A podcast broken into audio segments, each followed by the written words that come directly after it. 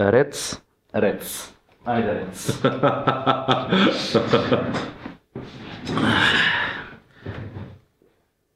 Одиме. Да, не одиме. Се историм со кафе.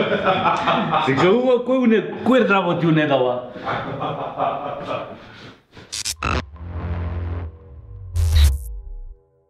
Дарија ни се врати, беше во Загреб на една интересна конференција, се викаше Digital Takeover, темата главна, тој што ќе ви каже беше Дигитална трансформација, нешто што е мощно актуелно во наредниот во наредниот во претходниот период, а и во наредниот ќе видиме дека ќе го актуализираме ние во следниот Комкаст. Така да Да. следете не и А. Она што мене ме фасцинира, на пример, конкретно со тој настан е всушност што го организира Medium 24 сата или Сирија издавачката куќа, што исклучително ретко како пример може да се види во нашава држава. За жал така е, кај нас каскаат уште оние кои што мора да бидат во центарот на дигиталната трансформација, тоа се големите компании, да кажеме, а, меѓутоа нели и медиумите нормално треба да бидат носители на на на сето тоа да ги малку подетално да се осврнат на новите трендови и се надеваме дека ние на некој начин барем ако ништо друго со следниот конкурс ќе придонесеме да се расветли таа тема. Но, Но, оваа не е. недела, да. но Како? оваа недела има нешто што е поинтересно и поради што мораме да ја скипнеме таа таа тема и да одиме со нешто што веќе повтор пат се јавува во Комкаст како тема. тема на интерес и Да. поврзана со Значи, се обидувавме да isчитаме многу работи, да се да се заштитиме од премногу пропаганда, да се обидиме со мирни глави, ладни да ги расудиме работите и да констатираме дека главната тема која што не смееме да избегнеме е Cambridge Analytica, Facebook и Guardian. и Guardian. Па да, Guardian можеби не е во центарот на сето ова, иако е нели преку обзервер, меѓутоа да, Guardian кој што морам да кажам мало благо разочарување од начинот на кој што Да. ги пренесува информациите поврзани со со Значи темата ни е малце да расветлиме што всушност се случило со Cambridge Analytica, односно што всушност се случува со нашите податоци на на интернет и како тие се употребуваат секојдневно. Не само во политичка комуникација или за кампањи во предизборни циклуси, туку и многу повеќе и пошироко. да. Така. Па доброто во сета оваа работа што конечно ќе се развие една дискусија за тоа кои на вистина податоци и траги ги оставаме со нашето дигитално присуство, на кој начин се користат и што е тоа што треба да се преземе за да не бидат злоупотребени. Добро, јас не можам да го користам толку лесно зборот злоупотребни, Па, затоа што да, ние во цела, цела ситуација многу често даваме Да. согласност да тие така бидат искористени. И тука ќе искористиме така наречената многу актуелна и популарна фраза сега, ако ти производот е без пари, тогаш Ти си производот. Ти си Многу јасно. производ. Е, така. А, малце историски нана за да видиме што всушност се случувало, да влеземе во целата приказка, затоа што по медиумите имаше разноразни теми, се локалните медиуми се вклучија во моментот кога Македонија беше спомната страна на Марк Цукерберг во неговото обраќање, но тоа е далеко од она што е фокусот на Така. речната тема. Така. А, 2013 година еден аналитичар, односно истражувач на Кембридж на Кембридж универзитетот по име Майкл Косински всушност докажува дека врз основа на во еден научен труд кој што преку кој што преку персоналити квиз, значи ти, Класичен оние квизови кои што нели секој дневно гледав, ги гледавме на, фид, на нашиот фид бидејќи нашите пријатели ги ги решавале. Значи преку таков квиз научно докажува дека врз основа на лајковите што ги имаме ние кликнато на Facebook, односно на страниците кои што ги имаме лајкнато, тој може да да дознае многу повеќе за нас во однос на нашите политички и други други типови на Па афинитет. да, имаше тука еден од муабетите, она што е битно да го спомнеме на почетокот дека со оваа тема ние бевме прилично добро поврзани уште преклани. Така му Да, доаѓа веќе да, на ове да, бидејќи а, нели еден од луѓето од Cambridge Analytica гостуваше токму на на All Е, тој човек тогаш беше Chief Data Scientist, сега Да. по последниот скандал, особено по а, оние,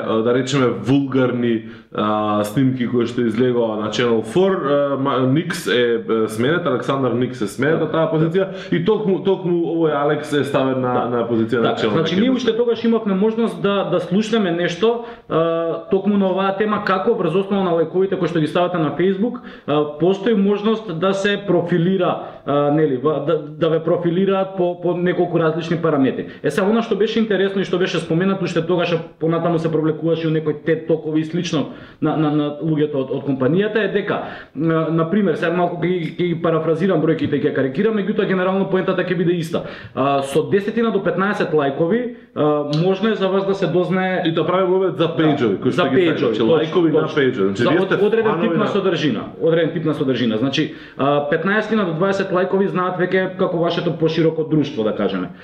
Со 30 на лајкови веќе знаат колку вашите поблиски роднини, дури семејството, 40-50 како вашите најблиски пријатели, а со 100 лајка вела дека знаат дури повеќе и од вас самите за вас. Да. А, и сето ова не е возможно дека да, ние ќе им ги кажеме тие 100 лајкови, туку возможно е затоа што се прави анализа на голема база на патоци. Апсолутно. Значи не може тука да има 1000 2000 луѓе кои што ќе влезат во една таква апликација и кои што ќе остават па нели ќе ги им ги собереме патоците и ние ќе научиме се за нив. Напротив потребно е брдо, значи big data, Да, а, за да може да се извлечат овие работи. И нормално во позадина е потребно многу многу многу знаење на Така. психологија, психоанализа, психометрија, таа новата наука Јасно, сега која што ја популаризираат. Не е нова, ама станува се поактуелна.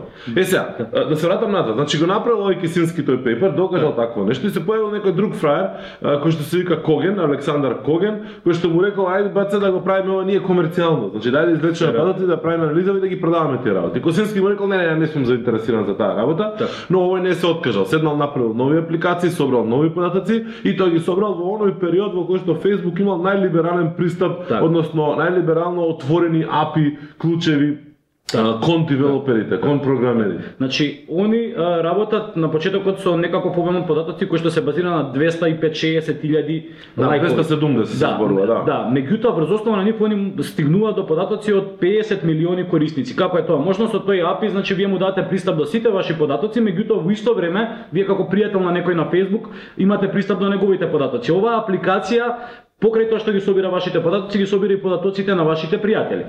За среќа од 2016 година таа опција веќе е укината на Facebook, така што не не може да не, не треба да се плашите барем во делот дека ако вашите пријатели го решаваат оној квиз дали како изгледа како машко или женско, дека ги прибере Facebook и односно некоја трета страна преку Facebook вашите Да, податоци. а Facebook брзо го согледале тоа дека всушност е, не е баш толку добро да вие на некој си девелопер таму кој што најчесто и не знаете ни кој е, што е, Да. како е, а, му се даде толку голем пристап, но ете, некој се досетил и искористил и искористил силата. Она што е многу битно во оваа ситуација да се напомне дека до сега апсолутно немаме ништо што е нелегално направено. Значи ништо што е против правилата нити на Facebook, нити на нити на а, било која друга мрежа која што се користи. Податоците биле собрани, анализата веќе почнала да се прави. Да. Значи многу е битно да се знае дека дел од дискусијата се отвора по однос на тоа дали етички били искористени податоците. Зошто е тоа така бидејќи првобитната да, обработувани. Прва, првата нивна намена била за академско истражување, од тука нели се прави некаков си е, геп каде што податоците кои што биле собирани за академска анализа, веројатно пред пос, е, е, на некој начин биле искористени како еден тип мост да се стигне до податоци кои што ќе бидат искористени во комерцијална намена. Меѓутоа она што е битно да го навратиме муабетот, не е правено ништо што е надвор од политиката на Facebook за почеток. Нити актуелните закони да речеме. актуелните закони. Мислам, И кога, кога се зборува за користење на податоци, прво и основно она што мора да го знаеме. Значи рековме дека дискусијата е битна да се отвори и треба да се отвори. Бидејќи има многу простор тука за а, обработка која што не е во рамки на некаква контрола на податоците и која што не знаеме како може да резултира ако имате толкава база на податоци. Предикции сериозни може да се прават и сериозно може да се влие на однесувањето на луѓето. Тоа тоа го заклучуваме од од добар дел на примери. Меѓутоа, она што е битно е дека тој во камерата. Она што е битно дека тој бизнис модел е основниот бизнис модел на Facebook, на Google и на, на еден куп други големи играчи кои што едноставно ние ги користиме сите тие алатки бесплатно.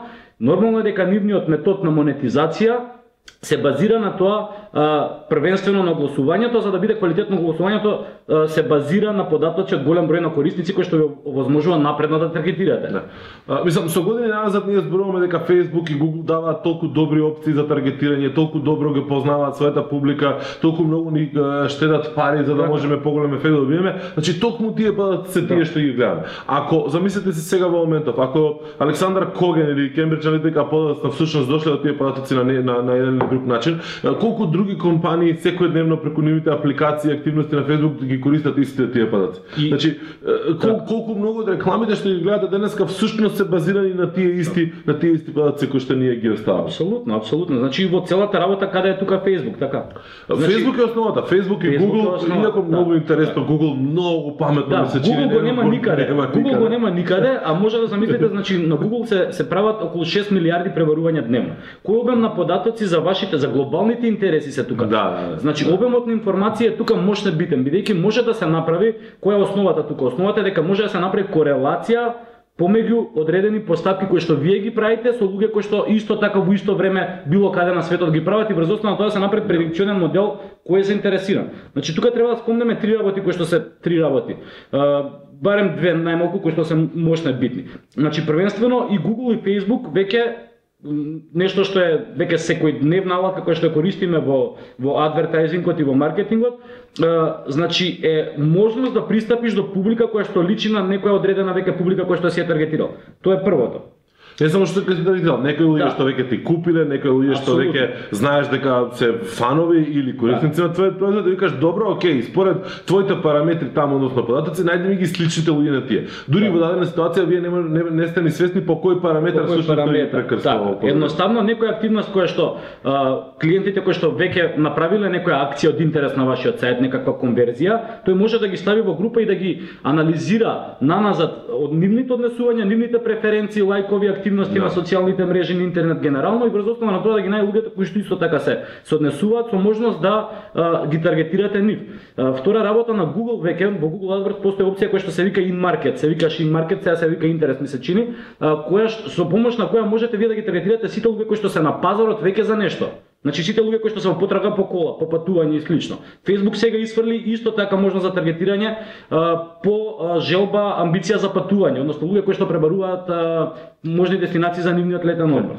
Нормално, сега што е целата тука приказка? Целата тука приказка е дека ова се алатки, модели, системи, можности кои што секој божи ден ги имаме. Секој божи ден може да ги користиме и многу голем дел од луѓето кои што всушност не рекламираат нас работи ги користат, особено по запад. Така. Ја разводнуваме малку темата со цел да кажеме дека ова не е нешто спектакуларно различно што се случува секој божи ден. Дека не е нешто што всушност треба толку многу да не загрижува индивидуално. А, да, сега овие за политичка комуникација Да, сега ти зема злоупотребуваат Да, да, предходно не беа земени. А, онаму каде што доаѓа Кембридж Аналитика во приказката, всушност е ситуацијата како тие ги набавиле податоците, затоа што всушност ние не сме дале со ние, тие 50 милиони а, корисници, појма немам дали а, ние сме дел од нив. Ја претпоставам дека сум пошто мислам дека го имам решавано тој квиз а, пред неколку години, баш пред Да. две години ми се Да. чини. Меѓутоа, Facebook вети, при тоа Марк вети дека ќе направат алатка во кој што ќе може да се провери секој сам дали е дел од таа база Да, или не е да, да. дел од таа база. Значи, независно од тоа, целата приказка зошто го зошто го зборувам. Затоа што всушност Кембридж Аналитика доаѓа во ситуација не е тоа како ги обработува податоците, односно како ги користи понатаму за таргетирање, туку како ги набавила податоците. Целата дискусија тука е всушност Да, дали се легално набавени или не се легално набавени податоци. Значи таа морална паника што се прави од аспектот дека ете некој нешто злоупотребува, повторно ќе кажам, можно е битно што ова се случи бидејќи ќе се отвори една дебата на, на малце по високо ниво, нешто што во Европа се случува, додека во Америка паралелно можете легално да си купите податоци кои што Да. ги собираат е, различни Ова. субјекти на интернет за вас. Едноставно тука- брокери на дата има, брокери на информација кои што можете да се купите информација. Тука мора да прекрстиме уште една тема. Една тема Да. која што со месеци се обидуваме да ја допреме, меѓутоа немаме храброст да ја допреме, тоа е GDPR.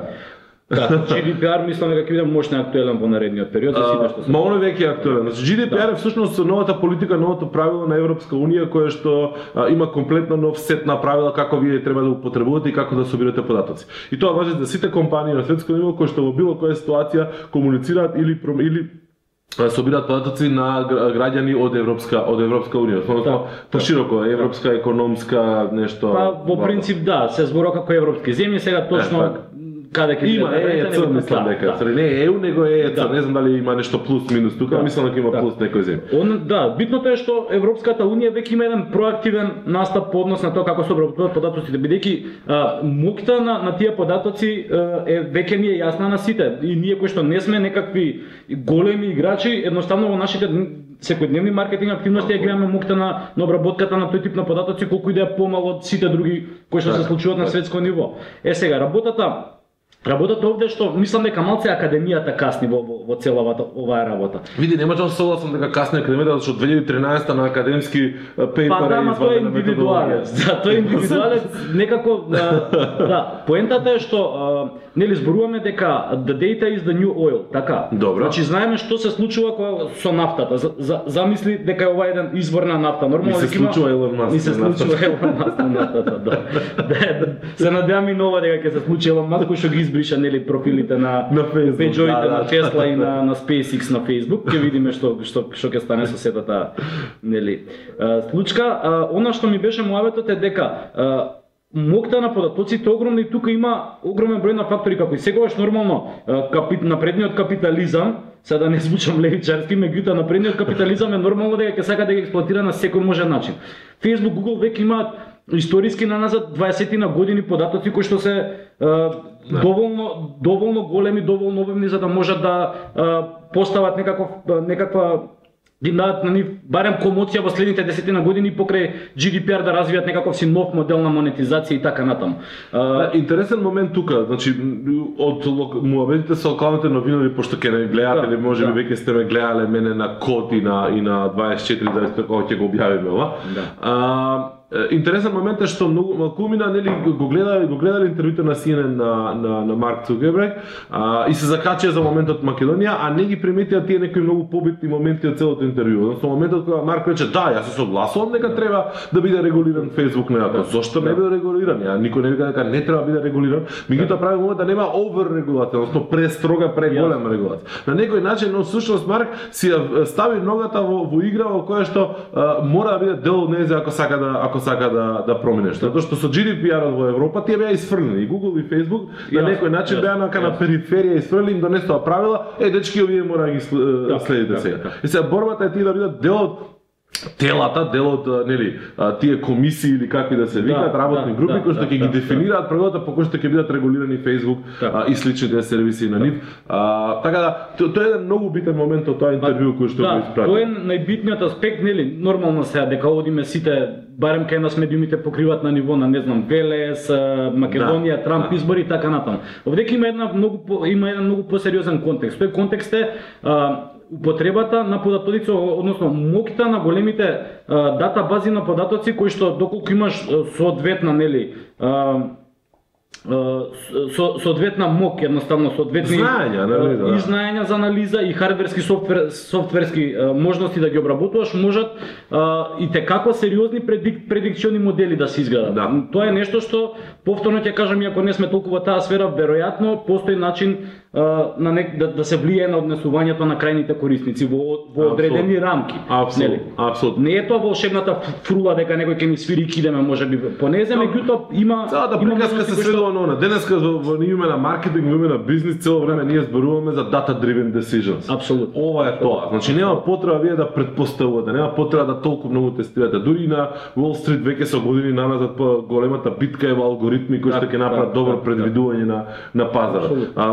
Да, во некој то, тотално оф топик тем имам случајно дека да речеме на Wall Street фирми кои барат на програмерска куќа да да работи статистика анализа за Да. нив, вика еве ти податоци, значи не знам за 3 месеци назад, кажем што ќе се случи четвртиот месец. И постојат а, компанијата која што ќе предвиди точно што се случило четвртиот месец, они ги може да видат пошто се Да. историски податоци, викаат вас ќе ве ангажираме, Да. што градат модел кој што има најдобра најдобра можност да предвиди што се случува нели следно. Така да, е сега прашањето е нели дали ова добро, дали не е добро. Каде е етиката, каде е моралот во целата приказка? Во принцип, ајде сега, ќе одиме со секција мета пак. Мета. да. Не, не, Значи- морам медиумите, медиумите Да. да, ги плескам малце. Сакам ја медиумите глобални да ги да ги обработам. Добро, да. После мета. После ќе се навратиме на мета, ајде. Значи, мојата е дека здраво за готово ги зимаме овие ситуации, оваа дигитална ера во која што се наоѓаме. Нас не е иманентно, природно, научени сме секој ден да отвараме Facebook, Google, да ги користиме сите тие работи. Значи, Google ви дава еден куп алатки бесплатни на користење и сега на- не ли ви е малце чудно некој да ви даде толку добри работи бесплатно да, да не да не е пред- предизборна кампања, знаеш, за локални избори. Генерално тогаш луѓето ви Не, дава. не, мислам, више ја од консултантите за политичка комуникација во животот мој имам научено дека врвот на комуникацијата и врвот на најиновативните, да речеме, техники кои што се применуваат во, во убедување, Така. сушто се во политичката комуникација Така, и во рамки на тие кампањи. Е сега, ако ова се најсофистираните алатки, тогаш значи дека најсофистираната употреба на тие алатки ќе биде во рамки на политичката комуникација. Комуникација, секако. комуникација. Влогот веројатно Да. таму е многу поголем него се останало. Апсолутно, апсолутно. И уште една друга работа, значи зборуваме за тоа што прават сега луѓето, нели ги симнуваат нивните податоци од Facebook, нормално насока имате можност да си ги симнете податоците да видите што е тоа што Facebook зачува. Од некои работи ќе се изненадите, од одредени броеви кои што ви ги чуваат чатови кои што сте мислеле дека сте ги збришале, на кои листи на на адвертајзери се наоѓаат и така натаму. А, меѓутоа она што луѓето зборуваат е ќе обришат Facebook, ќе пазат како ставаат траги и така натаму. А, невозможно во денешно време. Не, невозможно, ќе трчаш на кај ќе ќе уклучиш G, а, GPS-от. Види претходна емисија. Да, види претходна емисија, баш Види така. предходен комент.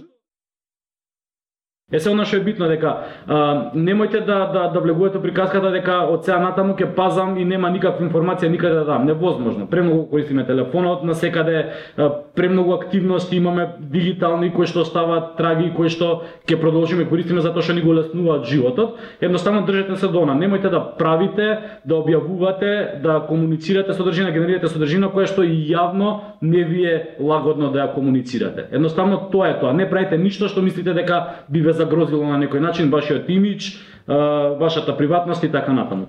И сега доаѓаме до дел што мене најмногу ме ме воодушевува, односно сакам да го дискутирам, делот на хајката медиумска а, против Facebook, каде што во суштина Кембридж аналитика е жртвеното јагне. А, одеднаш сега многу успех, многу чудно, многу некако условно речено неочекувано а, големите медиуми, не само големите медиуми, светските медиуми во било каков размер а, му се налютија на Facebook и почнале да го напаѓаат по сите основи. Сега почнаа да му реализираат што се Facebook земал податци за нас, уште од 2014 година кога тоа било недозволиво толку многу податци да се земаат, тоа да работи така, да работи вака, да работи онака, а при тоа каде беа изминативе 2-3 години? Значи каде беа во период кога тие го користеа се тоа? Каде во период кога тој им носеше нив пари? Апсолутно го користат и ден денеска. Еден можете е интересен пример додека читавме нели кога се разви Да. сета оваа дискусија на The Next Web отварам статија која што се вика Here's what you need to know about the значи се поврзано со случајот и во исто време од десна страна ми, ми искача толкав банер поврзан со кукис на кој што пишува еве како ние ги користиме податоците кои што вие ги оставате за да го персонализираме вашето искуство. Значи од кога го видов тој банер ја this is what I need to know. Не, Да. не ми треба ништо друго поише од текстот Да. да ми кажеш. Да. Значи едноставно се они паметуваат малце на тема, гледајте што све се прави со вашите податоци и во исто време они ги користат максимално за да а, нели да го персонализираат моето искуство. Значи кои податоци тебе ти треба за да го за да го персонализираш јасно, искуство. Значи целата приказка е што не викаме дека, мислам, ја не мислам дека тоа што го пишува тоа не е погрешно, дека не е точно. А меѓутоа многу инди- индикативно како одеднаш забораваме новијатските правила, како ги осудија и Кембридж Аналитика и Facebook, како се впуштија во хајка на тоа delete Facebook, Facebook is dead, Facebook is bad и такви некои работи во ситуација во кои што апсолутно ништо правно технички не беше докажано. Се уште не е докажано. Значи, само да направиме некои работи, некои работи појасни. Кембридж аналитика по барање на Facebook, ако по дојава на Guardian пред една година доставиле документ дека ги избришале податоците со кои што располагаат. Да. Година дена покасно Channel 4 доаѓа со свиркач кој што вика има податоци нешто поише, дека не ги избришале податоците, апсолутно никаков доказ не вади. Да, свиркачот беше прилично тенок. е. На муавет ама доволно искра за да го запали целиот Е, така. Да.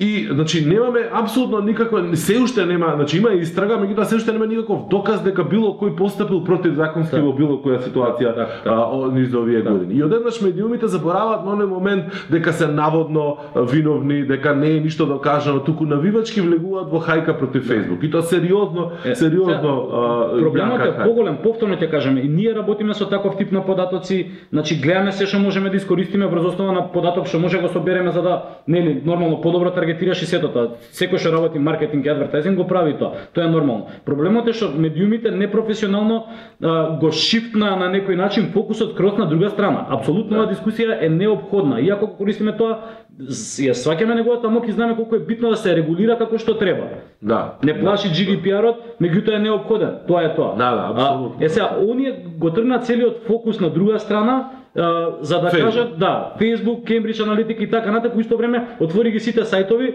а, значи сите користат Pixel, сите имат еден куп тагови. Значи со, со оние алатки, Да. екстензии во Chrome можете да видите дека апсолутно користат за чување на податоци со можност повторно да ве ретаргетираат и така натаму. Да, да, значи го користат Facebook Pixel, кој што всушност ги собира сите податоци кои што кои што Facebook ги собирал преку било која друга малта Тоа е тоа. плюс минус апликација, пошто за да ти Pixel пак мора да имаш акаунт таму, мораш да да Така. да собереш, можеш да да следиш и да таргетираш повторно назад. Значи луѓето кои што имаат вакви интереси, такви интереси кои што те биле на сајт, кои што не те биле на сајт, повторно можеш да ги да ги профилираш некако. Мислам, а, мене мене ме ме разочара во одредена ситуација затоа што многу мистериозно оваа хајка се појави токму во период кога Facebook всушност нели им го уништи нивниот бизнес модел. Бизнес Да. моделот кој што зависеше од последите кои што тие ги добива условно речено за без пари од Facebook. Сега Да. Facebook иначе нема веќе без пари посети, нема да може да да толку лесно живеете на на мојот грб, ќе треба да си платите Да. или ќе треба да размислите различно и тука сега нивниот нивниот модел се се размиша комплетно. Од издавачите беа медиумите многу погодени, многу погодени. најпогодени беа. Тоа сме го дискутирали Да. и претходно, издавачите односно медиумите беа најпогодени, некои од нив дури и затворија комплетно, Да. а меѓутоа ќе ќе им треба време да ја променат својата стратегија за да не зависат толку многу од Facebook колку Да. што зависат, затоа што сега нивниот бизнес модел беше нарушен. И сега одеднаш после неполни два месеци или полни два месеци хајка Па им Facebook не погоди, ја мислам дека им се погоди моментот. Го искористија моментот колку било претходно оркестрирано, Да, не знаеме, ама се погоди многу добро моментот зашто целата приказна со Кембриџ аналитика. Трамп, сите работи, прекрасна прекрасен контекст да се изгради една една А, снимки, снимките кои што ги извади Канал 4 се од пред 4 месеци ми се чини. А, оркестриран беше целиот удар од страна на Канал 4, од страна на Channel 4, Да. од страна на Guardian со Observer, од страна на Да. New York Times, значи многу беше добро оркестриран во смисла тоа синхронизиран. Нападите беа многу добро синхронизирани.